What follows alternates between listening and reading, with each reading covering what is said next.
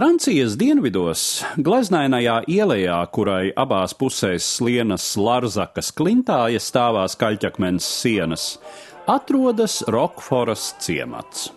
Kopš senlaikiem šejieniešiem zināma šāda leģenda.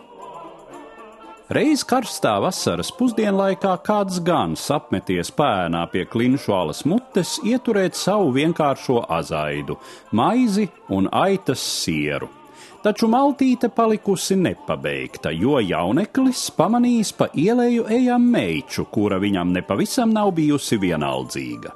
Kas zīmīgi, pie alas viņš atgriezies tikai pēc mēneša, un, kas vēl zīmīgāk, krietni izbadējies.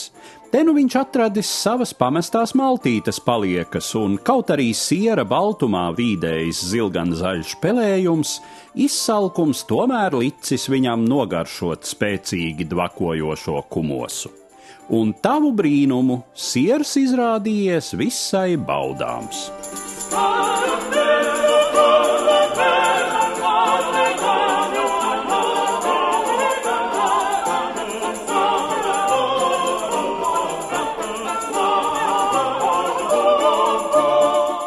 Kā jau nojaušams, leģenda vēsta par vienu no pasaulē pazīstamākajiem sieriem - Rokforas zilo, kura godpilno vārdu tiesīgs nest tikai tas siers, kas jau simtiem gadu tiek izturēts kombalū klinšu alās Rokforā pie Sulzonas. Rokforas siera vēsture ietiecas sirmā senatnē. Jau mūsu ēras pirmajā gadsimtā romiešu dabas zinātnieks Plīnijs vecākais savā dabas vēsturē piemin Gallijas dienvidos sastopamos aromātiskos sierus.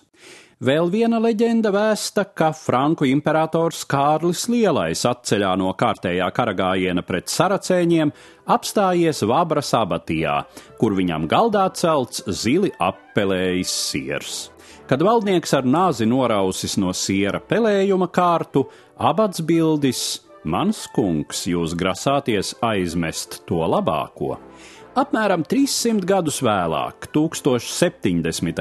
gadā, siers no Rokforas alām pieminēts cita klostera Konkas abatijas dokumentos kā daļa no nodevām, kuras klosteris saņēmis no ciema. Jau viduslaikos bija labi zināms, ka šis īpašais siers iegūstams tikai kombalū klinšu kaļķakmens alās, jo tikai tur, kā tas noskaidrots mūsdienās, sastopama īpašā pelējuma sēnīte Penecillium rokve forti. Tāpēc jau kopš daudziem gadsimtiem Rokfora ieguvusi monopoltiesības šī siera gatavošanai. Attiecīgu privilēģiju Francijas karalis Kārlis VI piešķīra ciemam 1411. gada 4. jūnijā.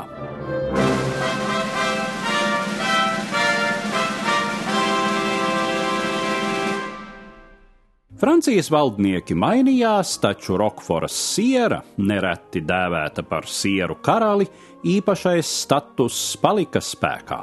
1925. gadā jau Francijas Trešās republikas likumdevēji noteica, ka par Rokforas sieru saucams tikai tāds, kas gatavots no noteiktas sugas aitu piena un nogatavināts jau pieminētajās kombalū alās. Pagājušā gadsimta 50. gados šie principi no Francijas nacionālās likumdošanas pārceļoja starptautiskajā stresas konvencijā par siera izcelsmes vietu apzīmēšanu, bet no turienes jau šajā gadsimtā Eiropas Savienības regulās.